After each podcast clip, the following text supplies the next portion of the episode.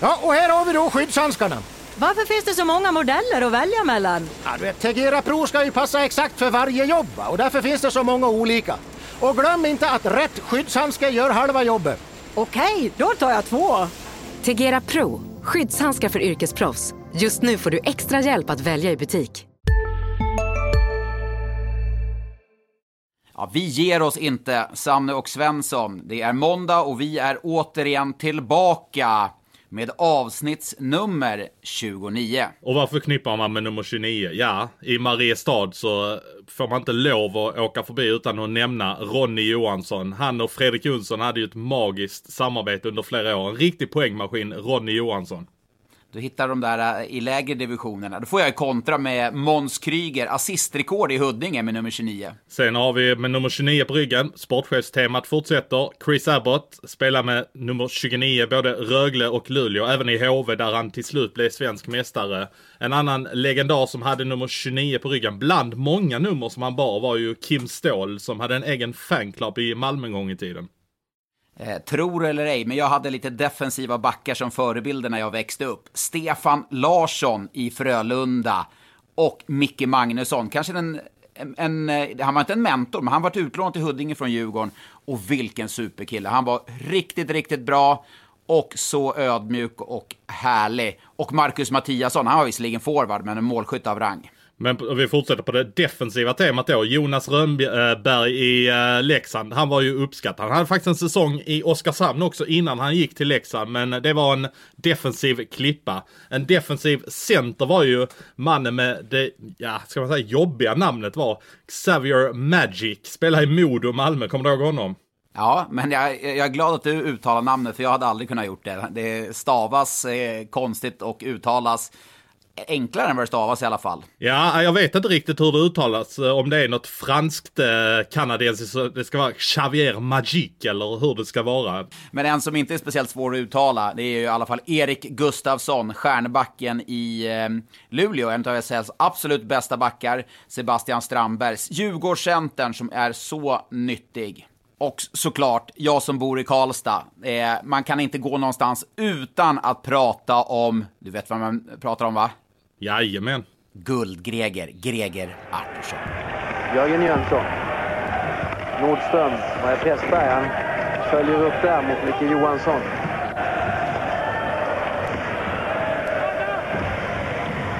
Kan man vända spelet? Ja. Som är med där borta. Artursson går själv. Skjuter ja. Greger Artursson har avgjort SM-finalen 1998. En back gör mål igen. En oväntad spelare och Färjestad har gjort det på nytt. Efter 12 och 49 in på sudden death.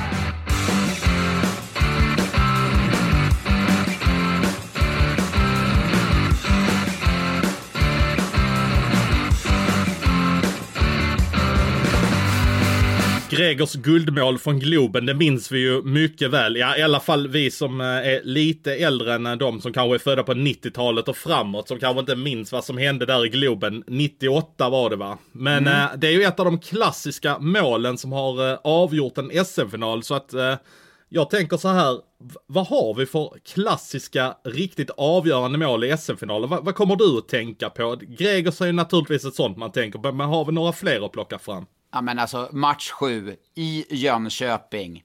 HV71 mot Brynäs 2017. Simon, Simon Önerud, Jönköpings pojk, assisterad av Martin Törnberg, Jönköpings pojk avgjorde finalen. Simon Önerud fick Stefan Lee Memorial Trophy som slutspelets mest värdefulla spelare. Ja, det är liksom verkligen knyta ihop säcken på alla sätt. Ja, ett annat som kanske inte var avgörande på det sättet att det var ett guldmål, men ändå spiken i kistan. Jag minns ju Ove Molins eh, mål i öppen eh, bur i Kempehallen mot Modo, när Modo bara skulle ta hem det där mästerskapet. Det var, det är ett riktigt minne man har där från 1999. Ja, det är egentligen, Modo var ju så överlägsna den här säsongen. Jag tror man hade 20 eller 22 raka hemmasegrar innan Brynäs vann den avgörande matchen. Men om man fortsätter, HV71 har varit inblandad mycket klassiskt. Johan Lindbom 1995 mot just Brynäs. Men vem var det som avgjorde där när de avgjorde i Sadden? Var det Eric Johansson som avgjorde där eh, borta mot Linköping 2008? Kan 2008, det vara, Erik Johansson ja. Eh, Mora, Erik Johansson som eh, vart eh, fick hjältestatus i HV71. Jag fick någon fråga där vem det var som assisterade på det målet när jag gjorde ett HV-quiz en gång. Så jag har lärt mig att det var, jag tror det var Jari Kaupila som Ja, jag tänkte säga att det var Kaupila. Jag tror, var inte Jämtin på isen och försökte rycka åt sig det där målet, men det var Erik Johansson som gjorde det. Men en annan klassisk, lockout-säsongen 2005. Niklas Andersson, 1-0 i eh, SAD, han gör alltså i sadden avgör där. Det var, det var en helt brutalt härlig eh, år, hockeyår, då SHL, eller Elitserien som det hette, alla största stjärnor, de var här, mig inkluderad. Jag får väl ta en till då. Eh, Daniel Tjärnqvist eh, mål i Karlstad 2001 var det va? Det var väl i femte perioden i den sjätte matchen som, eh, som han skickade in ett mål. Det, var, det skulle egentligen vara ett mål. Det var någon som gick köksvägen först. Sen blev det väl typ fyra returer innan han till slut smällde in den på typ volley. För, förra veckan där i tisdag fick vi lite härlig nostalgi på Simor. Nu är jag såklart eh, lite party såklart, men vi, alltså vilket hockeyprogram det var. Ja, det var grymt. Alltså jag minns ju SF-finalen 96, men att den var så smutsig, det, det kan inte jag riktigt komma ihåg. Jag var 12 år vid det ögonblicket, men alltså det var ruggigt smutsiga saker som hände på isen.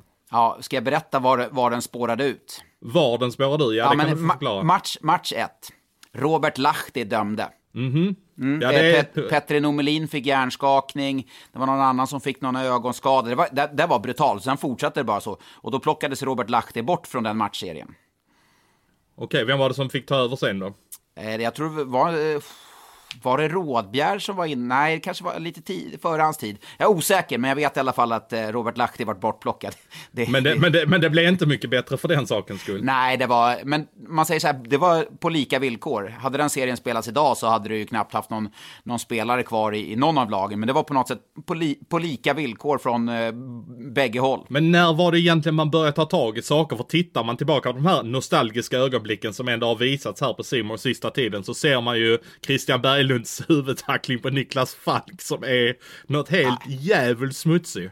Ja, vad hade det varit idag? Tio matcher, minst? Ja, definitivt. Han byter alltså riktning och bara siktar huvud. Och det, det eller roliga, det, det med den kommentatorerna, de diskuterar att det, ja, det är nog interference. det är det som är den stora grejen liksom. Ja. Sen, vi måste ändå plocka fram, det är inga, inga SM-guldmål, men alltså, ett för mig, ett riktigt guldmål, det är ju Mika Zibanejad i JVM 2012. Det är sån här, ja, det är ett klassiskt hockeymål som man aldrig någonsin kommer glömma. Nej, verkligen inte. Det är ju, eh, det är ju egentligen ett, samma sak när finnarna avgör i Malmö Arena. Och det, alltså verkligen, snacka om att de plockar bort den, hela festen där för Sverige när, eh, när de avgör där på, i Malmö Arena. Det var, det var liksom uppdukat för att Sverige bara skulle plockat VM, eller, eh, JVM-guld där. Sen är det ett till mål såklart. Första april 2016, vet du vad jag tänker på? Ja, men då vet jag vad du tänker på. Då tänker du på det som utspelade sig i uh, Örnsköldsvik när uh, Leksand gick upp. Ja, Brock Monperit eh, avgjorde i match 7 i förlängning. Otso Rantakari tappade, ja ni vet, det är ju hockeyhistoria för eh, positiv riktning för Leksand och negativ för Modo. Men Modo då, ska vi ta vid lite där? Då? Det har ju, det har ju plundras den här veckan som, eh, veckan som gick. Minst sagt. Ja, det är, men egentligen så har ju allting varit väntat. Det är ju bara det att det har kommit på pränt nu så att säga. Och den stora droppen tror jag för eh, Modo-fansen och för eh, Modo som förening var att eh, både Fredrik Olofsson och Kim Rosdahl också valde att lämna.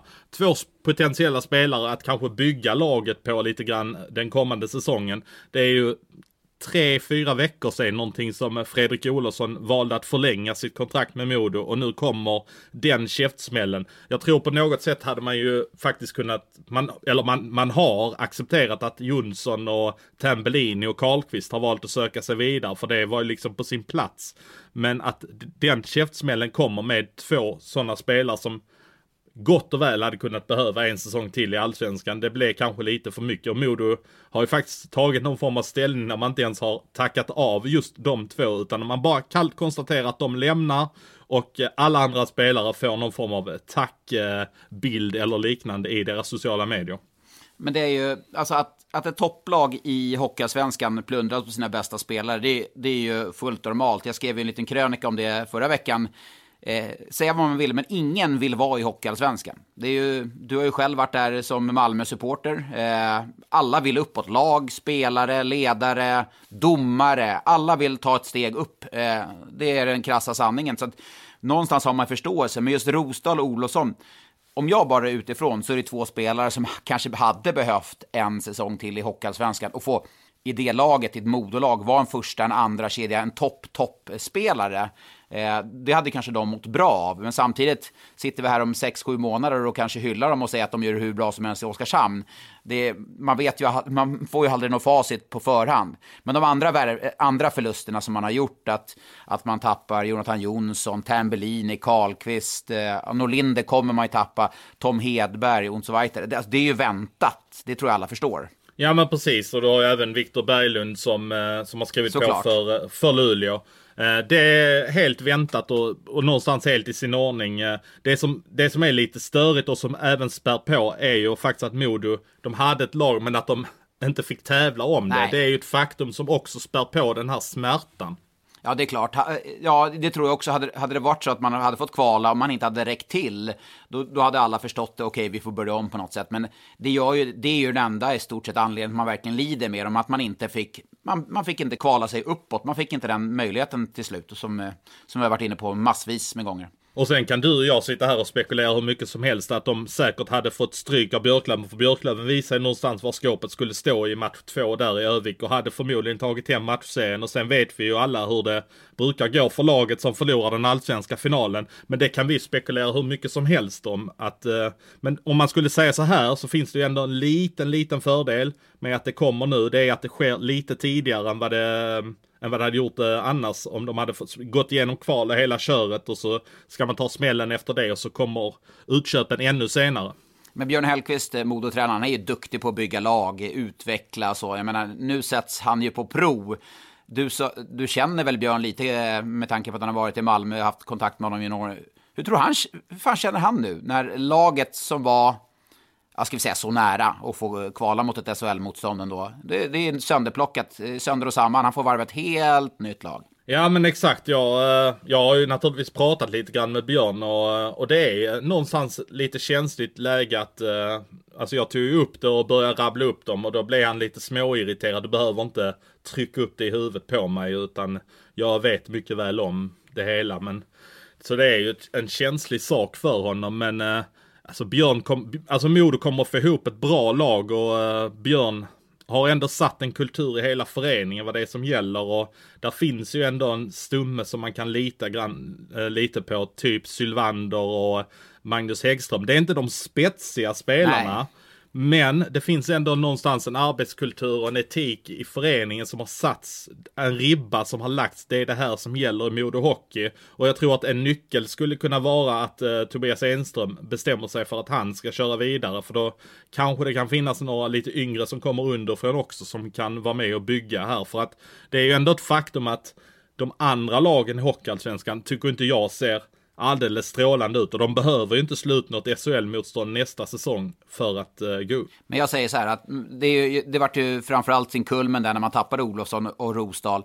Men jag tror att man kan få egentligen bättre spelare för de pengarna. Vi säger att, vad kan en sån som Rosdahl tjäna? Uh, 45 000 i månaden tjänar han ju enligt uh, boten som delades ut till honom i månaden då. Ja, och eh, man får uppskattningsvis mellan 3 och 500 000, för, 3, ja, vi säger, vi säger 350-400 000 då för honom när han går till, till Oskarshamn. Ja, och då är det ju faktiskt så att eh, en löneutbetalning över ett år till Kim Rosdahl kostar i Modo 540 000 plus sociala avgifter. Så någonstans kring 800 000.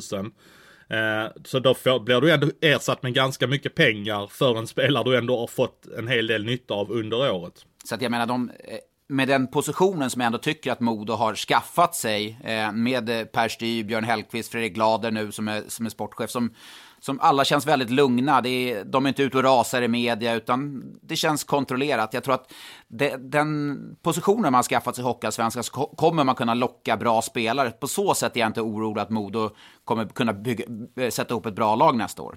Får jag stanna vidare? Jag hörde du nämnde Per Styvs namn. Eh, jag hör ju att Per Styv inte ska vara kvar i A-laget eh, till nästa säsong. Och det är ju med anledning av att han har en son som är på väg ja. upp i, i A-laget. Så Per Styv eh, kommer väl förmodligen att eh, omplaceras av den anledningen att han inte ska behöva coacha sin egen son. Det är väl kanske på egen begäran också kan jag tänka mig. Ja, det, det, jag ser det som ett stort avbräck. Jag har hört så väldigt mycket positivt om eh, Per Styv, men eh, viktigt kanske man får behålla honom i organisationen. Men han har ju fler barn underifrån som kommer, så att jag vet inte vilken, vilken nivå han landar in på. Då, om han, jag menar, i 20-tränare så, så kommer jag coacha någon av eh, Hugo och Helmer heter de två äldsta. Eh, någon av dem kommer han eh, coacha.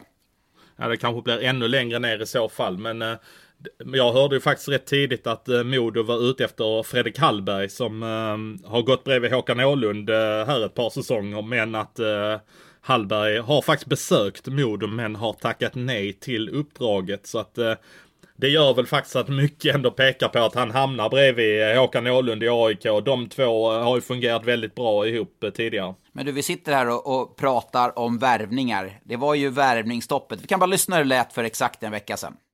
Värvningar som genomfördes fram till, ja vad kan det ha varit någonstans 18-19 mars någonting. Mm. De värvningarna får klubbarna alltså lov att presentera nu. Till exempel när Djurgården värvade Mantas Amalis så hade ju den värvningen varit klar i flera månader säkert. Tobias Ekberg lika så. De ja, Linus Klasen till Luleå. Ja, men alltså det finns värvningar som har gjorts här någonstans mellan kanske december och framåt. De värvningarna presenterar klubbarna precis som vanligt, för de finns ju på ett papper. Så det är ju ingenting som påverkar nu, utan det är ju lagt kort ligger så att säga. Ja, eh, det är, så mycket till värvningsstopp var det ju inte. Jag menar Rosdahl, om vi ligger kvar vid Modo, Rosdahl och Olofsson, de var inte klara för Oskarshamn för tre månader sedan. Berätta vad som har hänt. Nej, men det är ju faktiskt så att eh, det här värvningsstoppet, som, det, det, har ju ändå funnits någon form av gemensamt beslut där man har bestämt sig för att vi måste lugna ner marknaden. Så det är ju inget skitsnack på något sätt att det inte har varit ett värvningsstopp, utan det har ju varit en rekommendation att nu lugnar vi ner oss och går inte och hugger på spelare och håller på att trigga löner hit och dit. Uh, och, så det har funnits ett värvningsstopp och jag tror fortfarande att det råder lite sunt förnuft i de olika föreningarna. Och Kim Rosdahl och Olofsson, de går ju ändå inte under kategorin över dyra spelare som det blir en massa triggning på till höger och vänster. Ska jag vara helt ärlig så tror jag inte det fanns en enda SHL-klubb förutom Oskarshamn som verkligen ville ha båda två när det väl kom till kritan här. Jag tror inte det fanns många klubbar som har råd att stoppa in två forwards och lova dem den typen av roller som de förmodligen är lovade i Oskarshamn. Så att eh, värvningsstopp, ja, men ändå. Man får lov att göra det. Det är rekommendation. Det är ju det som gäller.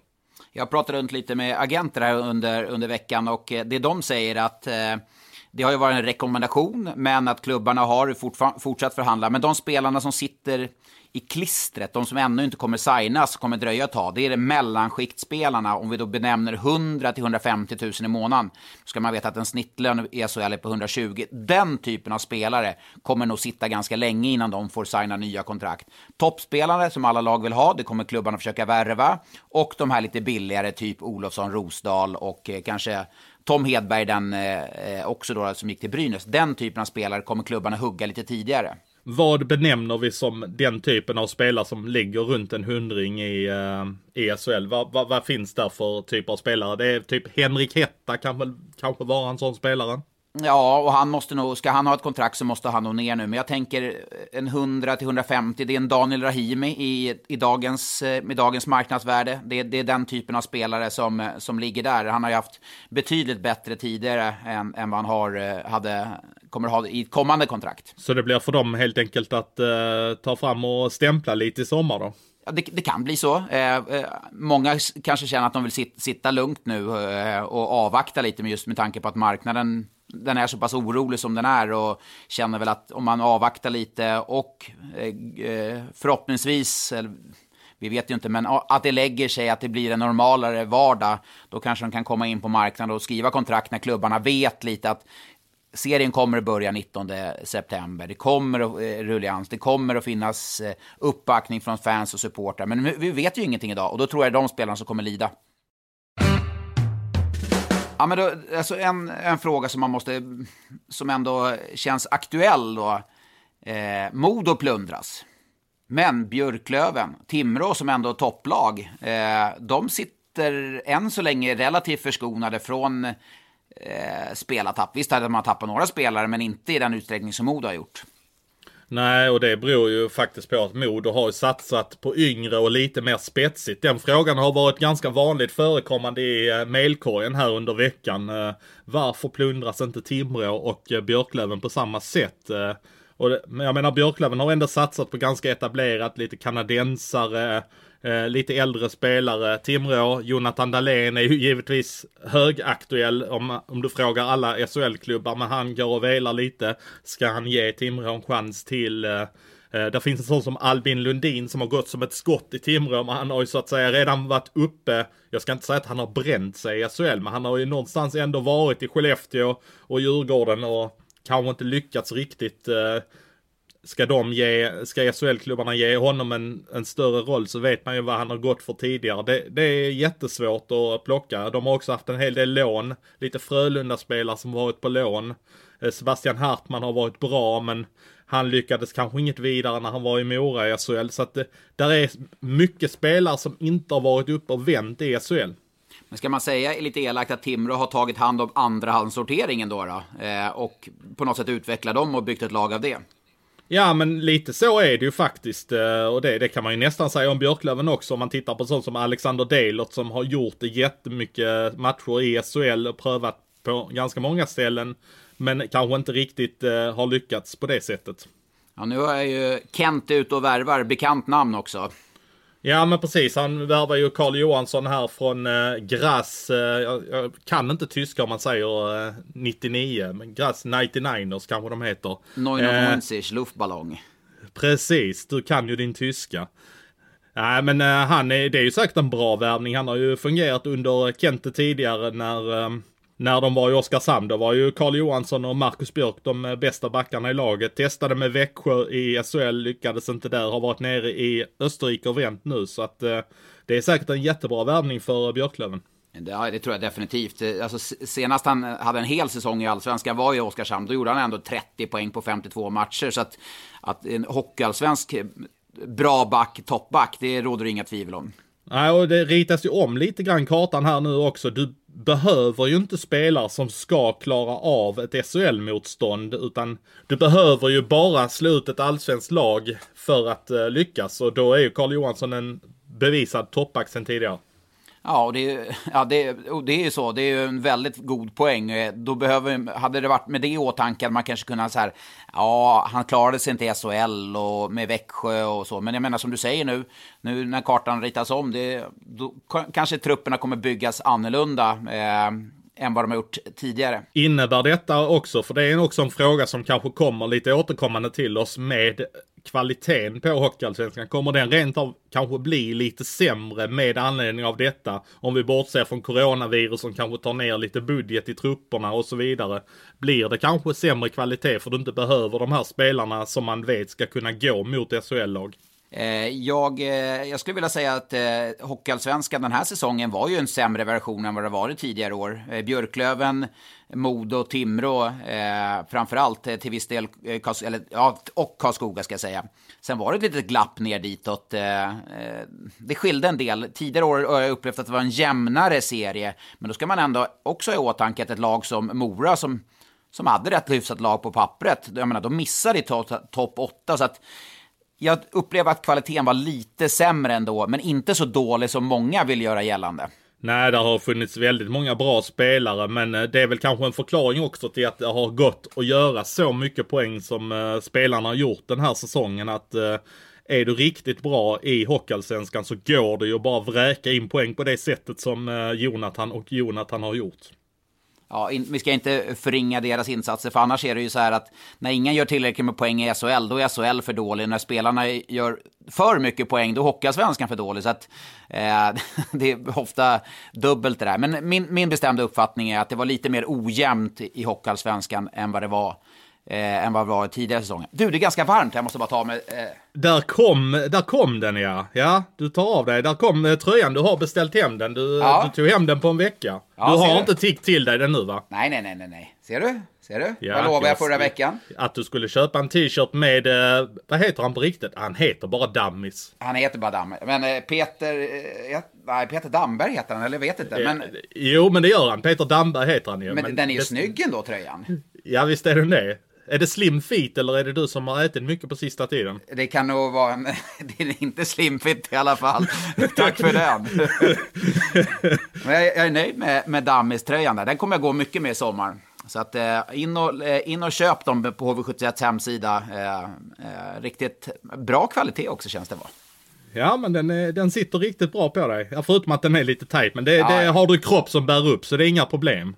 Ja, men det, det gör ju ändå att Damberg ser, Det är bättre att den är tight, för då ser ju Damberg... Han, han ser ju bra ut i den. Ja, ja, verkligen. Den ser väldigt proper och elegant ut i den.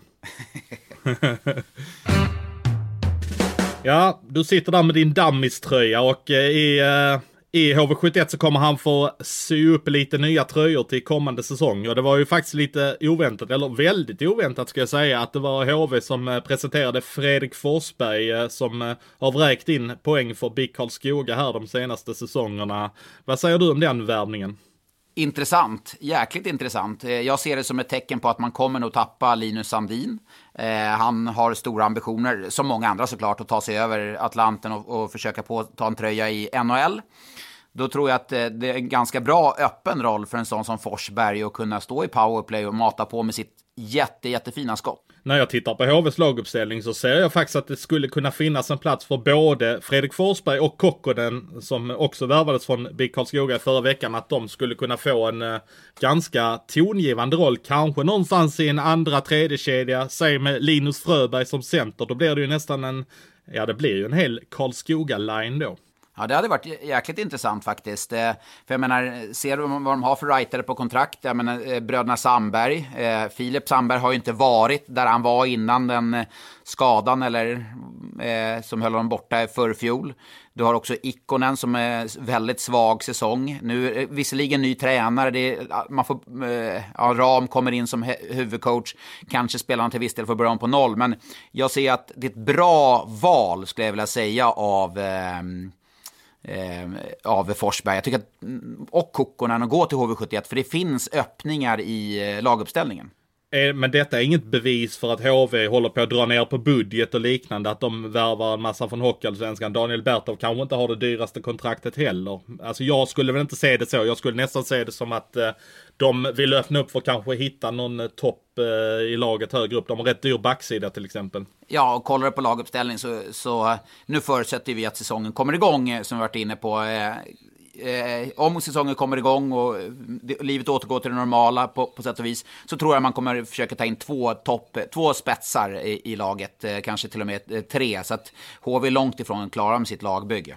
Men ett lag som verkligen drar på här nu är ju Linköping som eh, värvade först eh, Berglund från eh, Skellefteå som vi tycker känns lite spännande. Sen har de även hittat en annan finsk back här nu. Jag vet inte riktigt vad han heter på rak arm. Petri, Nikkele. Petri Nikkele ja. Eh, har, var sve- finsk mästare i HPK förra säsongen. Eh, en bra tvåvägsback säger rapporterna från Finland och sen eh, var jag ute och eh, berättade här, precis som jag sa i förra veckans podd att eh, Ola Palve skulle eh, skulle hamna i SHL, då spekulerar vi inte alls om Linköping, men eh, när jag kollade efter med lite källor senare i veckan så fick jag fram att det är Linköping han är överens med och då kommer de bygga rätt mycket finskt där uppe på toppen av eh, forwardsbygget.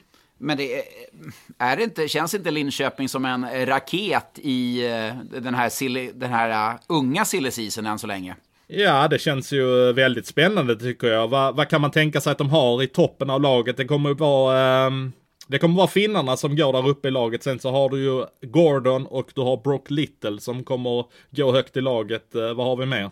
Ja, men du har Henrik Törnqvist som, som borde kunna ta, eh, eh studsa upp lite mer. Eh, jag tycker ändå en sån som eh, Nikola Pasic likaså eh, borde kunna komma in och göra det bra. Eh, och backsidan ser ju intressant ut när du har Eh, Berglund, Holös, Junland och eh, Nikkilä som eh, topp fyra backar. Då har, vi, då har jag räknat bort Mattias Bäckman och skulle Bäckman då komma tillbaka eh, någorlunda slag så har du ju ändå fem bra och så kan du fylla på med en sån som Hampus Larsson, eh, Max Lindroth, Simon Lundmark eh, där bakom. Ja, och du har ju William Vårge Kroj också där bakom. Eh, junioren där, den stenhårda junioren. Men det här borde väl betyda att eh, poddens gode vän, eh, tänkte jag säga, vi pratar ofta om Adam Ginning, eh, som, eh, som jag skulle kunna, hade jag varit tränare eller eh, general manager eller sportchef så hade jag värvat honom, för jag tror att man kan få ut väldigt mycket av honom om man, om man jobbar, jobbar, jobbar, coachar, coachar, coachar honom. Ja, ja, verkligen. Alltså jag menar Adam Ginning, han har spelat i alla juniorlandslag. Han var lagkapten i JVM, så det är klart att det finns hur mycket som helst. Adam Ginning, han behöver hitta den han ska vara och bli riktigt bra på det. Och han ska vara den här defensiva backen, tycker jag. Att han ska inte vara någonting annat, utan han ska vara en som man förlitar sig med, eh, till exempel i boxplay, när man ska försvara en ledning. En sån som man bara litar en Sanne på i alla Svensson-back. En Sanne och Svensson-back helt enkelt. Jag kallar det vår Sanny-back gärna. Jag har inte riktigt eh, Jo, landat i det träsket. du har, jo, jo, jo, jo, jo, jo. Du, du har landat in på defensiva backar, det har du gjort faktiskt. Ja, men vilka kan vi tänka oss är sugna på Ginning då? Alltså för att, att han inte blir kvar i Linköping, det kan vi helt konstatera. Det, det fick jag reda på att det var helt klart i samband med att jag grävde lite här med Palve-värvningen. Så att eh, han kommer inte bli kvar i Linköping. Så han kommer hamna i en annan SHL-klubb. Och jag tror att eh, Philadelphia säkert kommer ha en hel del att säga till om när det gäller det. Jag kan tänka mig en klubb som eh, HV kanske behöver en ersättare till Kristoffer Persson. Kanske Frölunda behöver en ersättare till David Prins. Färjestad kan behöva en ersättare till eh, Johan Ivarsson. Eh, Hej, Synoptik här. Visste du att solens UV-strålar kan vara skadliga och åldra dina ögon i förtid? Kom in till oss så hjälper vi dig att hitta rätt solglasögon som skyddar dina ögon. Välkommen till Synoptik. Upptäck hyllade XPeng G9 och P7 hos Bilia. Våra produktspecialister hjälper dig att hitta rätt modell för just dig. Boka din provkörning på bilia.se xpeng redan idag. Välkommen till Bilia, din specialist på XPeng. och jag menar Peter Jakobsson känner ju alla 0-0 och väldigt väl sen sonen Karl har eh, varit i den årgången också. Ja, men jag tror att det är många lag som kommer att vara intresserade av Adam Ginning. Menar, han är, var ändå kapten i juniorlandslaget. Det tyder ju ändå på att man har eh, ja, respekt runt sig själv, eh, sitt namn och en naturlig pondus. Så att, eh, det finns en stor utvecklingspotential och en billig, eh, en billig försäkring på något sätt. Som en, blir det en sjätte back, blir det en femte back, fjärde back, ja det får framtiden utvisa. Men eh, bra, bra, bra möjligheter. Men du, det är bara ett stickspår här. Bra möjligheter. Jag måste säga att det var ett väldigt moget beslut av Hugo Gustafsson i Södertälje. Ja men verkligen, jag blev väldigt glad när eh, jag såg faktiskt den livesändningen på Facebook. Det gjorde de bra, Södertäljes kommunikationsavdelning, när de eh, satt i en bil och satt de två stycken personer där och eh, rabblade upp lite ledtrådar. Ja vad är det för spelare vi ska träffa och sådär. Eh, Lite Elite ja. Prospects-känsla kanske. Ja, men det tycker jag lite grann så. Till slut så fattar man ju att de var på väg hem till en person och då fattar man ju att det var en kontraktsförlängning och så såg man att det var i Nykvarn de skulle åka till. Så då eh, förstod man att det var hem till Hugo de eh, skulle åka. Och eh, nej, jag, jag gillar det för Hugo har ju stora möjligheter att få en väldigt bärande roll i eh, Södertäljes lag kommande säsong.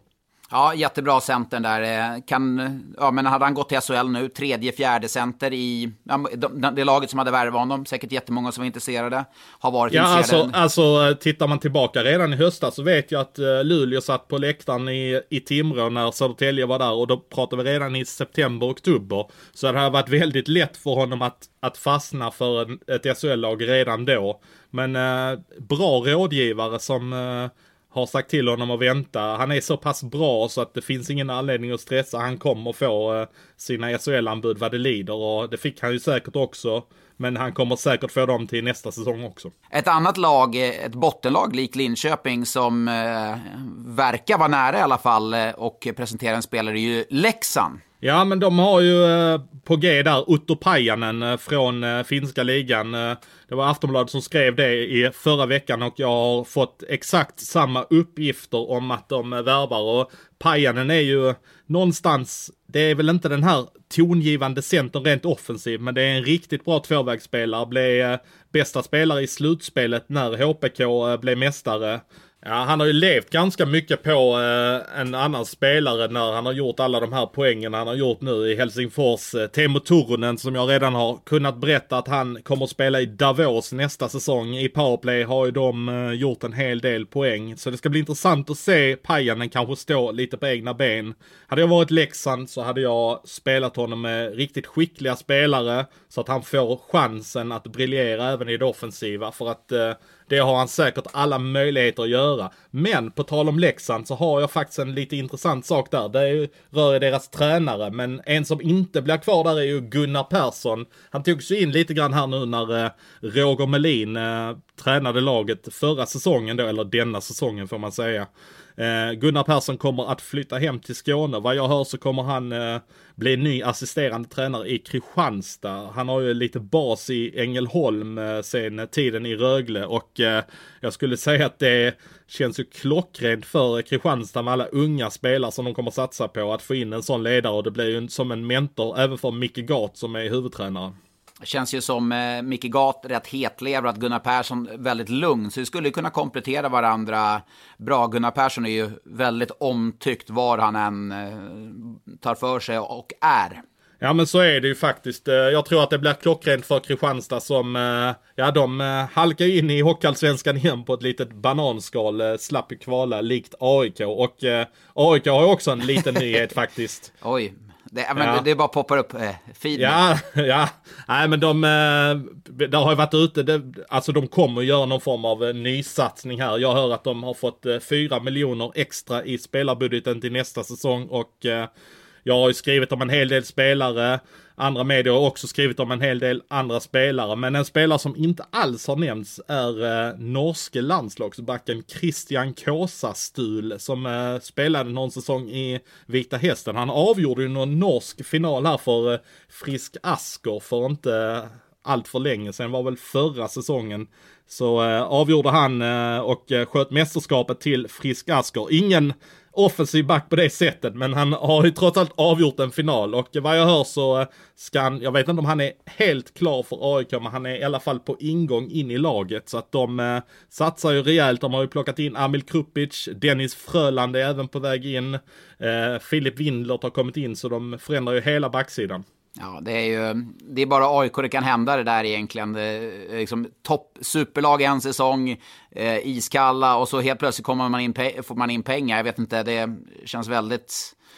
Ja, det, kän, det känns väldigt AIK om jag får, får, får säga det. Men jag vill kolla mig tillbaka lite på Otto Pajanen där. Vad är det som händer i den finska ligan eh, egentligen? För att det ryktas ju, eller snackas ju lite om att det kan bli ett massflykt från en eh, liga som den heter. Ja, men det är ju faktiskt så att i eh, Finland så eh, har ju facket och eh, ligan har ju förhandlat eh, gällande permitteringar. Nu är vi inne på saker som jag i grunden inte begriper, men jag har begripit så pass långt som att eh, man har fått igenom permitteringar, men ersättningen för de spelarna som blir permitterade och det, de har ju inte fått fram i närheten av samma fina avtal som finns i Sverige då att eh, att man betalar upp till en viss del. Jag vet inte exakt hur mycket det är, men det är ganska mycket pengar i alla fall.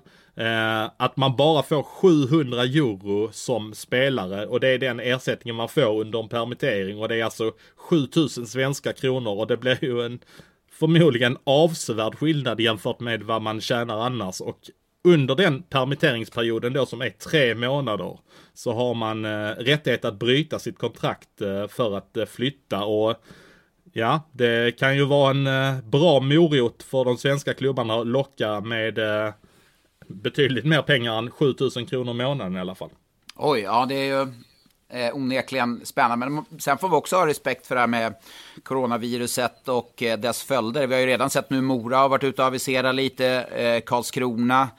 Eh, och det, SHL har varit väldigt eh, spar, eh, alltså de har ju sparat på kommentarer kring det här. Jag undrar hur klubbarna mår där och hur man har täckning utifall att säsongen inte börjar den 19 september. Nej, det är ju en fråga vi får också att eh, vi, ska, vi förväntas ju vara epidemiexperter också känns det som emellanåt, vilket vi inte alls är utan eh, vi ska ju försöka hålla oss till det eh, till det vi kan, om vi nu kan någonting. Men det, det borde gälla andra också som är inom hockeybubblan kan jag tycka. En sån som Robin Lehner tyckte jag var ute och svävade lite väl mycket. Om jag får säga vad jag tycker i alla fall. Du var, du var arg då? Du, vi pratade då, du var arg? Arg var jag jo, inte. Jag, jag, jo, men nej, det var jag, nej, jag var inte arg. Jag blev, jag blev lite trött för, jag menar Robin Lehner vet väl inte mycket mer än vad du och jag vet. Nej, men du, du måste ju säga att du blev arg. Trött blev du inte. Jo, jag blev trött att det fanns ännu en expert. För det, det har varit väldigt mycket experter hit och dit. Och jag förstår det för att det är en väldig frustration. Men man, man bör nog försöka hålla sig lite kyligare. Ja, men ska vi ta lite frågor? Vi har ju fått en hel del frågor här när jag skickade ut här under söndags eftermiddagen. Jag fick ju till och med ett sms eh, från dig när, när jag inte hade skickat ut frågan. Se till att skicka ut frågan nu. Blev du lite tagit- frustrerad på mig? Ja, men du har tagit semester. Ja, det verkar inte bättre. Nej, det har jag faktiskt inte. Jag, jag glömde faktiskt bort det under min eh, promenad där jag har dragit på mig en rejäl kepsbränna som du även ser i min panna just nu. Eh, men eh, en fråga där. Eh, Martin Fredriksson, han har varit ihärdig med den här frågan. Han var ute och ställde den redan tidigare i veckan. En eh, Västerås-supporter som eh, de har ju lånat Gustav Berglund från Frölunda under veckan. Vad har ni för någonting på honom? Hur är han? Frågar då Martin Fredriksson. Och det är ju en back så att jag lämnar det till dig. Ja, eh, eh Gustav eh, tror jag kommer bli, skulle vi säga, en fjärde, femte back i Västerås. Eh, kommer kunna spela lite powerplay, eh, högerskytt. Eh, när han kom från HV71s juniorlag till Frölundas juniorlag för två, två, tre år sedan så var han väldigt, väldigt offensiv pratar man om. Han, de har jobbat mycket med hans defensiv i Frölunda vet jag och blivit en mer allround-back. Så att eh, jag tror man en gedigen eh, tvåvägsback med lite offensiv touch ändå. Eh, jag vet att Detroit när han var över på den här Prospect Games i, i, i förra sommaren var jättenöjda med honom. Han är draftad av Detroit. Så att det känns som en spännande rekrytering av, av Västerås måste jag säga. Fråga från eh, Alstrand eh, som frågar vilka ska ersätta första kedjan i Modo? Och där, där såg jag att det även har ryktats om en dansk eh, spelare, Mikael eh, Ågard. Eh, finns det en eh, dansk spelare som spelar i tyska ligan som ryktas vara på väg till Modo? Skulle han kunna kanske vara en sån? Jag såg att en annan fråga kom om honom. Eh, vad tror vi? Ja, eh, jag var inne och kollade, jag såg till och med något klipp på honom här. Har ju ändå gjort hyfsat med poäng i East Coast Hockey League. Så att eh, eh, jag tror att det skulle kunna vara en intressant värvning. Och där kan vi också säga lite om om AHL, NHL, NHL, sen har du AHL och under AHL har du East Coast. Och där är du ännu mer oroligt med tanke på att följderna av coronaviruset. Och där kommer det kanske kunna öppna upp att lag då eh, kommer försvinna och läggas ner. Och då kommer det kunna öppnas upp att det kommer finnas East Coast-spelare, ganska duktiga, som måste leta sig till Europa. Och då finns det ju, kan ju Hockeyallsvenskan fynda riktigt bra spelare där, det har man ju sett tidigare år också. Jonas Nilsson, hypotetiskt, men vad tror ni om framtiden för spelare som är klara för spel i Schweiz, KL etc? Kommer kontrakten att gälla eller drabbas de där länderna av samma ekonomiska bekymmer som svenska klubbar? Och då är kontentan, kommer vi kanske få se spelare i SHL som vi trodde var förlorade? Ja men bra fråga, riktigt. Jag har funderat själv i de banorna. Eh, vad kommer hända med en sån som Ted Brithén? Blir han blåst på sitt avtal i Bern? Nja, jag tror väl inte riktigt det, att, eh, att det går så långt. Eh, de har väl säkert lite förmånliga skatter på importspelarna. De får inte så många importspelare, så de kanske får dra ner på lite annat, känner jag. Ja, och jag tror väl framförallt, kanske i Schweiz är väl, ehm, det känns ju ganska tryggt i Schweiz. Jag skulle däremot KL-spelare som har kontrakt, kanske inte de alla toppklubbarna så, men i, vi ser ju nu, jag tror att det är två klubbar i KL som har väl liksom aviserat eh, att de inte kommer klara det här och gå i konkurs. Så att KL-kontrakten, eh, där finns det nog en, en skulle kunna finnas en, en oro faktiskt. Intressant här faktiskt för Vladivostok som är ett av de lagen i KL. Eh, Jag hörde att eh, Linköpings backförvärv, nu har jag tappat namnet igen, kan du säga det igen? Petre Nikkala, Nik, Nikkele, Nikkele. Ja, man kommer väl lära sig honom så småningom. Han eh, hörde jag faktiskt att han var i stort sett klar för Admiral Vladivostok och eh, det gavs en möjlighet för Linköping att eh, plocka in honom med anledning av detta. Blev kanske lite rea på honom för Linköping också. Pajen, general manager, han, han fintar man inte höger, går vänster direkt. Det kan jag säga det. Så är det.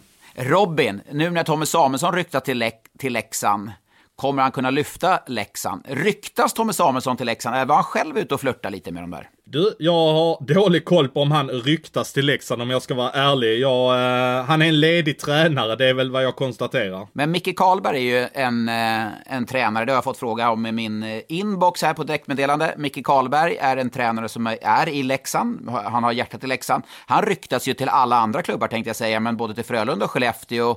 Varför tar inte han eh, över Leksand, eller är det ett för stort steg? Vill han inte?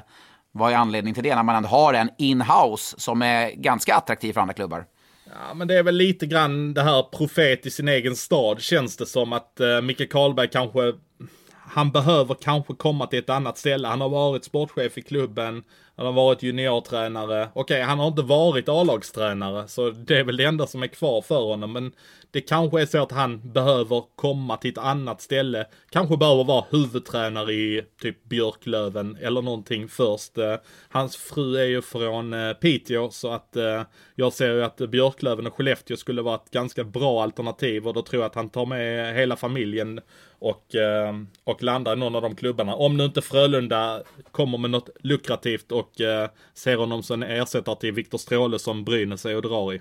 Brandon Eriksson, jag skulle vilja veta hur nära Daniel Rahimi att gå till Björklöven. Tror du det finns något sånt att Rahimi kan vända hem?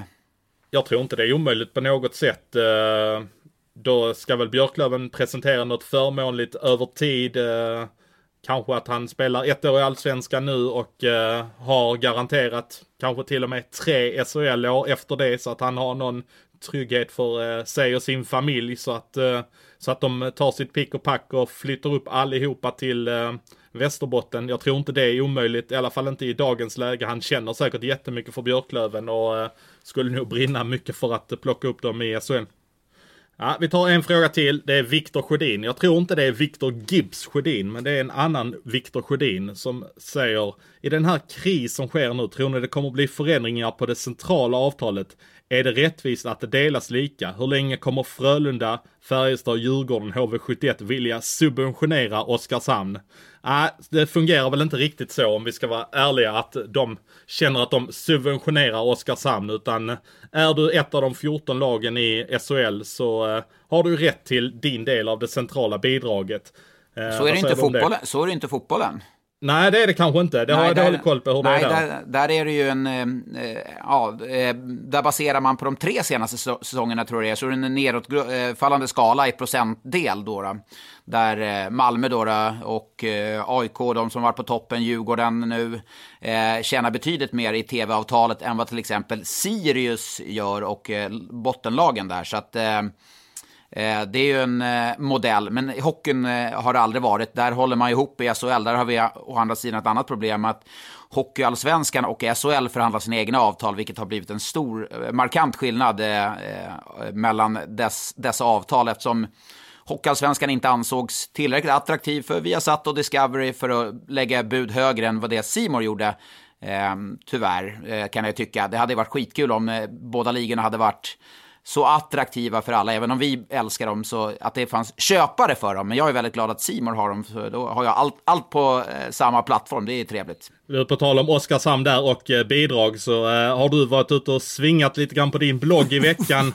Och ja. jag var ute och svingade lite grann på Twitter. Jag var lite raljant när jag såg en artikel i Barometern där, jag ska dra lite bakgrund kring det här. Det är ju faktiskt så att i en artikel som kom ut i Barometern Oskarshamnstidningen så pratade man man hade en intervju helt enkelt med klubbchefen Martin Åkerberg där, där texten lyder från eh, journalisten Christian Gustafsson som skrev det.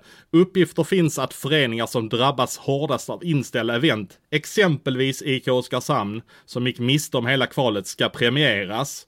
Och sen så svarar då Martin Åkerberg som är klubbchef i ett citat direkt efter. Om Riksidrottsförbundet öronmärker en viss peng till SHL så återstår det att se hur det fördelas. Om det blir 14-delsprincipen eller om de som skadats mest får mer. Och då, då ryckte det till ordentligt för mig. Då, gick jag, då blev jag faktiskt lack, måste jag Då, säga. då, då vart du arg, du vart inte trött då? Nej, jag var, då var jag arg, men inte för det här att Oskarshamn ser sig som mer för, äh, förfördelade än andra, utan det här, bara tankesättet att någon ska ha varit drabbat hårdare än andra, att det ska premieras. Alltså, jag ser inte framför mig att det här bidraget som ska komma ut från eh, regeringen till eh, Riksidrottsförbundet, att det ska vara någon ansökan. IK Oskarshamn, vi har ansökt om 3 miljoner för vi missade kvalmatcher. Det är ju inte så det kommer fungera, får vi väl anta. Nej men alltså, eh, det här är ju också ett citat som är ryckt från, ehm, från Barometern. Det är, det är ju inte Martin Åkerberg som har sagt det, om man ska försvara Oskarshamn. Han har inte sagt att vi gick miste om matcherna, alltså att vi har blivit drabbade, utan det var ju faktiskt ett citat från Barometern som, som jag reagerade väldigt mycket på. Inte just Ja, det, det, står, det, men det står i den löpande texten och i ett citat direkt efter från klubbchefen så står det faktiskt att att, det, att de som kan ha skadats ska få mer. Där han spekulerar. Han nämner inte IK Oskarshamn. Det är inte så Martin Åkerberg gör. Jag har pratat med eh, Christian, journalisten på eh, Barometern och han medger att han uttryckte sig lite klumpigt och har också ändrat texten efter. Så att det blev lite grann en höna av en fjäder. Men jag ryckte ändå till att man tar de orden i sin mun som klubbchef att det ska vara någon som kanske har skadats mer. För det tycker inte jag att någon har skadats mer. Även om vi kanske kan utgå från att Luleå kanske skulle få nio slutspelsmatcher eller mer och förlora en jäkla massa pengar på det. Men du Svensson, roll the dice. Nu är det dags. Vi, ja. höll, på, vi höll på att glömma det.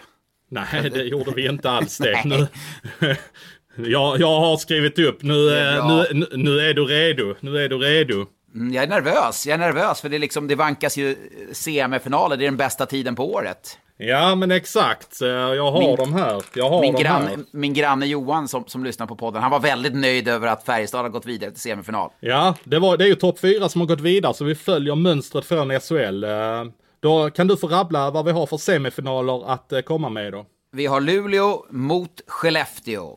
Och i den andra semifinalen har vi Färjestad mot Rögle. Och då kan du rabbla upp förutsättningar som vi tänker oss. Eh, Luleå kommer ha på hemmaplan 1, 2, 3 och 4 vinst. 5 och 6 kommer gå till Skellefteå. På bortaplan kommer det vara 1, 2, 3 till Luleå och 4, 5, 6 till Skellefteå. Vi börjar där, så går vi igenom Färjestad sen, för det är lite andra förutsättningar. Då kör vi det. Yes, Då tar vi första här. Och då fick vi en tvåa där i match 1 i Luleå. Då vinner de första matchen. 1-0 Ja. i matcher till Luleå. ja, viktigt att få den där starten. Det fick de inte mot Örebro senast i kvartsfinalen. Kör vi match 2 i Skellefteå. Och vi får en sexa på tärningen. 1-1 i matcher. De är starka hemma, Skellefteå. Går vidare match 3 i Luleå. Och vi får en fyra på tärningen. Luleå vinner där. Det är hemmafördelen som avgör lite grann. Ja, det är det ju. Jobba till sig hela säsongen för att få det. Och så är vi på match fyra i Skellefteå. Och då får vi en etta på tärningen. Luleå visar lite grann. Kanske Ja. tar ut sin rätt där. Starka. Och så har vi match fem i Luleå. En fyra på tärningen. Hemmafördelen igen. Så att eh, de kammar hem matchen med 4-1 i matcher. Vad var det som avgjorde här i Delfinen? Ja, men det är ju det här powerplay-spelet som har kommit igång i slutskedet av säsongen där Komarek verkligen har visat klass och en sån som Erik Gustafsson som har blandat och gett lite den här säsongen i powerplay-spelet där han inte har haft så stort förtroende. Han lyftes in där och tillsammans med Nils Lundqvist har gjort bidragit och var den stora skillnaden mellan lagen. Sen också lite synd att Oskar Möller, kaptenen, tvingades utgå i match 1 efter att ha fått en puck på foten och eh, bruten eh, fot. Han kommer missa VM dessvärre också. Då är det dags för eh, den andra matchen och då presenterar du upplägget när det gäller matchserien mellan Färjestad och Rögle BK. Här är det så pass jämnt mellan lagen så att Färjestad kommer få 1, 2, 3 på tärningen och Rögle 4, 5, 6 oavsett hemma eller bortaplan. Vi börjar i Karlstad inför 8250 åskådare och Nelsa står på räcket och leder klacken. Så då kör vi match 1. Och vi får en trea på tärningen där Färjestad tar hem första matchen. Då åker vi ner till Ängelholm inför fullsatt Lindab Arena som, eh, ja det har aldrig hänt tidigare, en semifinal. Ja, och Färjestad tar ledningen med 2-0 i matcher, men tvåa på tärningen. Oj, Lite oj, skräll oj, skulle jag säga att de kopplar det greppet. Ja, det trodde man faktiskt inte på förhand, men här det ryktas ju om lite skavanker på Cody Curran efter sina nio mål i eh, kvartsfinalen. Så att eh, vi får se om han är tillbaka i match tre. Ja, vi kör match tre i Karlstad. Nu känner de finaldoft här. Men det blir en fyra på tärningen. Rögle reducerar matchserien där i Karlstad. Ja, Två mål av Daniel Saar sent i matchen avgör. Och så åker vi ner till Ängelholm. Nu har de alltså chansen att kvittera matchserien. Och på tärningen får vi en fyra. Rögle kvitterar matchserien. Oj, oj, oj, nu. Alltså, jag trodde taket skulle lyfta. Jag var ju där och kommenterade den här matchen. Det är bland det mest galna tryck jag någonsin har varit med om faktiskt. Ja, du bytte inte om på pressläktaren denna gången va? nej, nej, det var fullt. inte som, inte som eh, mot Malmö där på... Ja, det hade varit en syn för 5000 personer där. Då åker vi upp till Karlstad igen och eh, nu är det laddat. Nu är det riktigt laddat.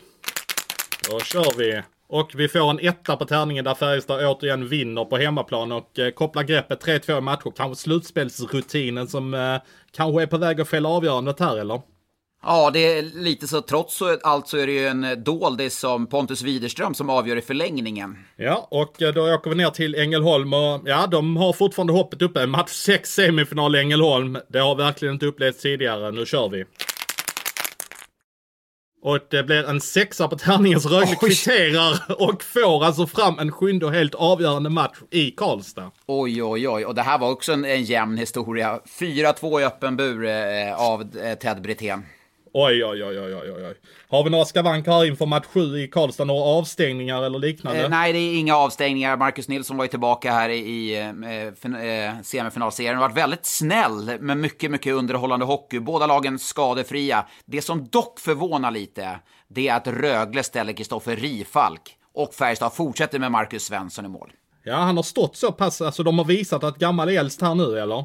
Ja, Holm stod i inledningen av kvartsfinalerna och så byt, bytte de ut honom och Svensson gjorde en stor match. Och ja, han är tillbaka i gammalt gott slag. Ja, då får vi se hur det går här. Färjestad har 1, 2, 3 på tärningen. Rögle har 4, 5, 6. Får vi se vem som går vidare. Tärningen rullar. Och på tärningen står det en tvåa. Och då blir det Färjestad vidare med 4-3 matcher. Ja, det Ja, det, var, det var en fight som heter duga det du. Ja, herregud vilken... Ja, det var ju på, det, vi trodde ju på förhand att det här skulle bli något alldeles speciellt, något alldeles extra. Och det gjorde oss inte besviken på något sätt. Eh, 2-1 i sista matchen av Färjestad, där Marcus Nilsson är den stora dirigenten. 1 plus 1. Och nu ryktas det till finalserien att Mikael Lindqvist kanske kommer tillbaka. Oj, oj, oj. Oj, oj, rehabiliteringen har gått jättebra. Ja, och vi får en repris från SM-finalen 97 mellan eh, Färjestad och Luleå. Du vet den serien då Roger Johansson stod och klättrade på utvisningsbåset när Färjestad blev mästare. Just det, den ja. Ja, vi får se om Ragge klättrar på... Hans son är ju där, Albert, han kanske klättrar på glasen i år. Det är inte omöjligt. Vi får se om han gör det, om nu Färjestad drar det längsta strået mot Luleå. Men vi tar det nästa vecka. Men nu, innan vi avslutar, nu är det dags att du ska få utmanas. Ja, jag tyckte det var svettigt här med, eh, med, med eh, semifinalerna, men nu kör vi. Jag, eh, Allt är redo. Ja, du, du ser så laddad ut så jag bara slänger på dig det direkt. På fem poäng. Denna Malmöfödda spelaren har en ramsa som går enligt följande. Så nu ska du få höra mig nynna lite eller vad man ska säga. Na na na na na na na na na na na na na na Åka Södergren, det är inte Södergren. Nej, Malmöfödda, nej. Eh, jag... Fortsätt. Jag är så stolt över min Damberg-tröja förresten. Jag visar upp den en gång till. Fortsätt. Ja, den är, den är så fin. Fyra poäng. Tidigare klubbarna är Växjö, Rögle och Brynäs för denna 30-åring. Han är en stor ledartyp och håller på Malmö FF i fotboll. Eh, Tidigare klubbar. Växjö, Rögle och Brynäs och han är 30 år. Han är född 89 kan jag till och med bjuda på. Nej. Ja, men då kör vi på tre poäng. De senaste två säsongerna så har han burit upp två olika danska toppspelare som har spelat på kanten. som har bo- båda två fått en rejäl explosion i sina karriärer med denna center bredvid sig. Han hyllar sin bortgångne far med tröjnumret, men jag tänker inte berätta det förrän på två poäng vilket nummer han bär. Center måste ha ett rätt högt nummer. Ja, och han har ju burit upp två danska toppspelare på, succéspelare på kanten som har eh, tagit enorma kliv i karriären när de har haft honom som center. En dansk förra säsongen och en dansk denna säsongen. Nej, eh, han, nej, fortsätt. Han bär, alltså på två poäng då. Han bär tröja nummer 52. Tidigare i karriären under tiden i Rögle så spelade han med nummer 16 på ryggen. Men nu spelar han då med 52 i Södertälje. Åh, just det. Vad är fan... Åh, vad är det han heter nu då? Jag, jag, jag blandar alltid ihop han med Sylvander nämligen. I... Eh, eh, jag vet ju exakt vad han heter. Han är 52 i Södertälje. Jag vet ju vad han heter. Ja, jag nöjer mig inte med det som svar. Då får Ja, men- vänta på ettan. Nej, nej, nej, absolut inte. Eh, eh, alltså, varför blandar jag alltid ihop han med Daniel Sylvander? Han, han är kapten också. Ja. ja, nej, men det var han. Just när han kom upp i Rögle var han ju ung och jäkla vad bra. Han gjorde sådana här superavtryck. Sen blev han inte riktigt så bra som man trodde. Och jag vet vad han heter, jag skriver ner det här. Ja, och eh, på en poäng. Vi har fått ett svar ska vi säga här. Och, eh, det, har, det kändes som det släppte lite för dina axlar där när du ändå levererade svaret. Det hade ju varit skamgräns om du inte hade klämt fram namnet när du så väl visste vem det var. Ja, på en absolut. poäng. På denna Stoffe har Rögle i sitt hjärta, men han lämnade säsongen för tre säsonger sedan. Så eh, vilken eh, spelare är det vi pratar om? Kristoffer Liljevall. Ja, och då går ju ramsan så här. Stoffe Liljevall, Stoffe Liljevall, Stoffe Liljevall. Ja, vi älskar dig, vi älskar dig, Stoffe Liljevall. Äh, med reservation för att jag inte har helt rätt. Men någonting sånt går eh, ramsan, tror jag i alla fall. Eh, Det är Rögleklacken som, eh, som sjöng den om eh, sin älskade Kristoffer Liljevall. Var inte det lite kontroversiellt när han var tvungen att lämna eh, Rögle där? Ja, det var det väl. Det var väl lite skilda röster där som, eh, som ville ha kvar honom. Han hade väl haft lite skadebekymmer och kanske inte hade nått upp till den nivån man förväntade sig. Så gick han till Brynäs där det inte alls gick speciellt bra utan eh, nej, han har ju fått ett lyft här i Södertälje. Tar du vilka de två danska spelarna är som han ha, har lyft på eh, eh, två olika säsonger? Olesen och Mayer. Ja men exakt och sen har han haft två svenska spelare på de andra kanterna då. Eh, Blomstrand och Dyk. Ja, exakt. Ja, du kan, du kan ditt Södertälje du alltså. Ja, eh, det kan jag. Och bara som en liten, eh, bara för att knyta ihop den här. Dyk gjorde mer poäng än Pajanen som ryktas till eh, Leksand den här säsongen. Ja, men kanske kan eh, Dyk vara en sån spelare som dyker upp i SHL. Ja, vi får se om han gör det, eh, Sebastian, faktiskt. Han, eh, om han är permitterad och är fri att gå så är det ju en eh, väldigt spännande spelare som eh, har lärt sig under de här åren att jobba riktigt hårt. Jag tror han hade kunnat vara bra i SHL faktiskt. Men vi avslutar väl där Svensson och sätter Sebastian Dyk i, i eh, Leksand nästa säsong. Ja, gör du det? Jag tror inte det, men vem vet? Då, då kan vi nästan avslöja att Sebastian, nej det gör vi inte. Ja, jag, Nej, vi du jobbar med mer källkritik än så kanske. Jag gör det ja. Ja, ja men du, eh, vi tackar för eh, den här eh, veckan så hörs vi nästa vecka i Sanny och Svensson.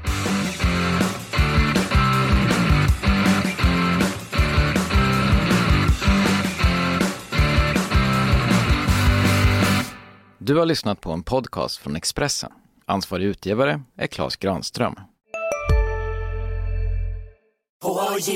På Sveriges största jackpot-kasino går hypermiljonen på högvarv. Från Malmö i söder till Kiruna i norr har hypermiljonen genererat över 130 miljoner exklusivt till våra spelare. Välkommen in till Sveriges största jackpot-kasino, hyper.com. 18 plus, regler och villkor gäller. Just nu pågår vår stora season sale med fantastiska priser på möbler och inredning. Passa på att fynda till hemmets alla rum, inne som ute, senast den 6 maj. Gör dig redo för sommar. Välkommen till Mio.